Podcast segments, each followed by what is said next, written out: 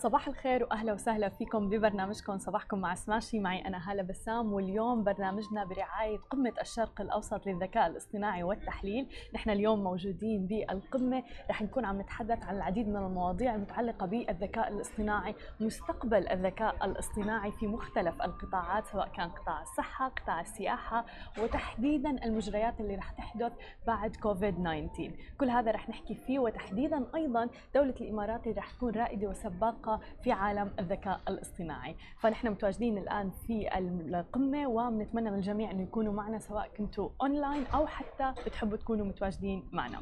خلونا نبدأ أخبارنا لليوم. أول خبر معنا لليوم عن البيتكوين تحديدا. عملة البيتكوين بالفترة الأخيرة انخفضت ولكن رجعت ارتفعت. وأكيد حابين تعرفوا ليش ارتفعت الآن وصلت البيتكوين ل 57 ألف دولار تقريبا. سبب الارتفاع هو إنه رئيس السلفادور مجددا آه، طلع بقرار جديد واللي هو إنشاء مدينة بيتكوين من دون ضرائب، رح تكون في ضريبة واحدة فقط واللي هي ضريبة القيمة المضافة، ورح تكون كل هذه المدينة مبنية على السندات، آه، سندات رح تكون متاحة طبعا بعام 2022 أيضا، وبالإضافة إلى ذلك الإمدادات الطاقة لهذه المدينة رح تكون من خلال طاقة البركان، فكل هذه الأخبار المميزة والمختلفة في عالم العملات المشفرة أدت إلى ارتفاع عملة البيتكوين عملة البيتكوين مثل ما شاهدنا بالفترة الأخيرة انخفضت ووصلت إلى تقريبا 52 آه، ألف آه، بعد الارتفاع اللي ارتفعته بال 60 ألف بالفترة الماضية. الآن رجعت ارتفعت بعد هذا الخبر اللي تصل إلى أكثر من 57 آه، ألف دولار تقريبا.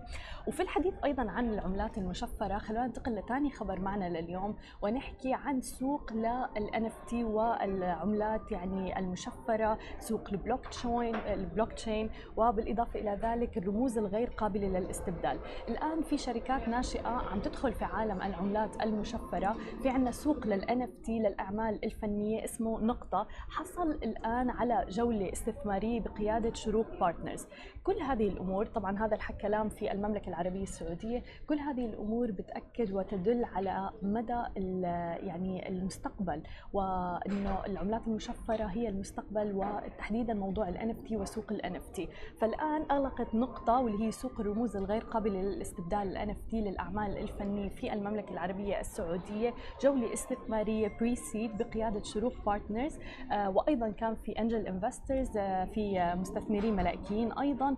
آه بالإضافة إلى ذلك عم تتأسس هذه الشركة أسستها سلوى رضوي لتكون المنصة السعودية الأولى لسوق ال NFT مثل ما عم نشوف رح تسمح للفنانين تحديدا بأنه يحطوا أعمالهم عليها آه، يحصلوا على دخل إضافي من خلال هذه المنصة. العديد من الأشخاص عم يتجهوا نحو هذا الموضوع. بالإضافة إلى ذلك شفنا يوم أمس أيضا المصور آه، في دبي وليد شاه آه، قام ب أيضا كل الصور اللي بيصورها أنه الآن رح تكون متاحة في سوق ال NFT العديد من الفنانين عم بيتجهوا بهذا الاتجاه وهذا دليل أنه هو المستقبل هو سوق العملات المشفرة البلوك تشين وأيضا ال NFT أما عن آخر خبر معنا معنا لليوم فخلونا ننتقل إلى أيضا المملكة العربية السعودية ونحكي عن آه، مجموعة تداول السعودية القابضة الآن عم تعلن عن تحديد النطاق السعري لأسهم الطرح. والنطاق السعري رح يكون ما بين 95 و 105 ريال سعودي.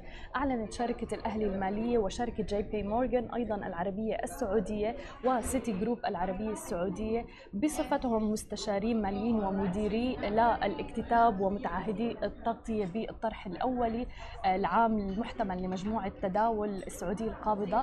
عن تحديد سعر النطاق السعري اللي مثل ما ذكرنا لأسهم الطرح رح يكون ما بين 95 90 و105 ريال سعودي للسهم الواحد. كما تم الإعلان أيضا عن بدء فترة عملية التسجيل لحتى الناس تبلش وتستثمر في هذه الأسهم. آه رح تكون لفئة آه فئات مشاركة في عمليات الطرح. رح تشمل تقريبا 36 مليون سهم عادي من أسهم الشركة. بالإضافة إلى ذلك هذا رح يمثل تقريبا 30% من رأس المال المصدر للشركة. هذه كانت كل أخبارنا الصباحية لليوم. ما تنسوا تتابعونا على كل مواقع التواصل الاجتماعي الخاصة بسماشي TV تسمعوا البودكاست تبعنا وتنزلوا ال application خليكم معنا في مقابلة اليوم وأنا بشوفكم. Welcome to the show. We have today with us Muhammad Ideator from Let's Talk B2B. Welcome, Muhammad. Thank you so much for having me. Hala. We're here in uh, AI Summit and we want to know more about this uh, event. So, can you tell us, especially from your experience organizing this event? Well, we started with organizing AI and Analytics Summit in a very specific industry, uh, banking. And uh, you know, last year uh, we did a wonderful event uh, right here at the Address Dubai Mall, and that event, uh, received about 150 to 180 delegates uh, who were participating for a two days event, and that revolved around you know how can you know banks go forward to you know adapting these AI and analytics solutions, and what are the next steps for you know these enterprises as well.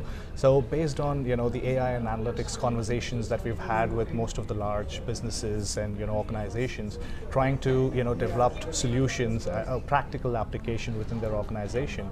So we spoke to a lot of uh, you know key uh, speakers around uh, you know AI and analytics, data, and uh, you know also who are more in the lines of uh, developing these solutions. So that's how the idea began, and uh, here we are at the AI and Analytics Summit.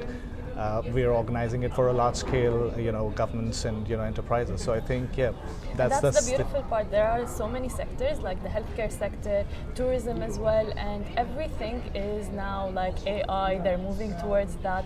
Uh, but what can people expect from this event? Can you tell us more? Who are the speakers and the agenda? Well, to start off with, we have Ministry of AI, Sumaya Al Hajri, uh, you know, who's opening the session for us, talking about you know the policies and the governance and what is the vision for UAE uh, in the next uh, you know five to ten years, and uh, how UAE is in, you know advancing themselves in terms of uh, you know achieving you know the right kind of results when it comes to practically applying these solutions and helping you know uh, the organization and also the community in general. That's amazing. And uh, the event will be uh, in the address, uh, Dubai Mall, uh, two days event, and people can even watch it online as well, right? Yes, it is a hybrid event, and I think we were, uh, you know, one of the, uh, you know, top two to three organizations who started with the hybrid event. It was very new after the pandemic. Of People course. were just doing the virtual presentations Yeah. and you know having a lot of screen time. Yeah. So yeah, we had an opportunity in the UAE region, you know, um, in the world. UAE actually, you know, came up with a hybrid format, and you know, we could have easily organized an event in person. So uh, yeah, as an organization, we thought hybrid events are going to be a, a shift uh, in terms of bringing people back again to attend in person, and I think it worked. It- 100% because even speakers who cannot be here, they can still be like online. Virtually, and yes. even people who cannot be here and would like to attend, they can still be there like virtually and get the added value of this event. So that's really, really good. Thank you so much for being with us. Thank You're you. most welcome. Thank you so much for Thank having you. me. شكرا لكل الناس اللي تابعتنا نحن بنشوفكم بكره بنفس الموعد نهاركم سعيد جميعا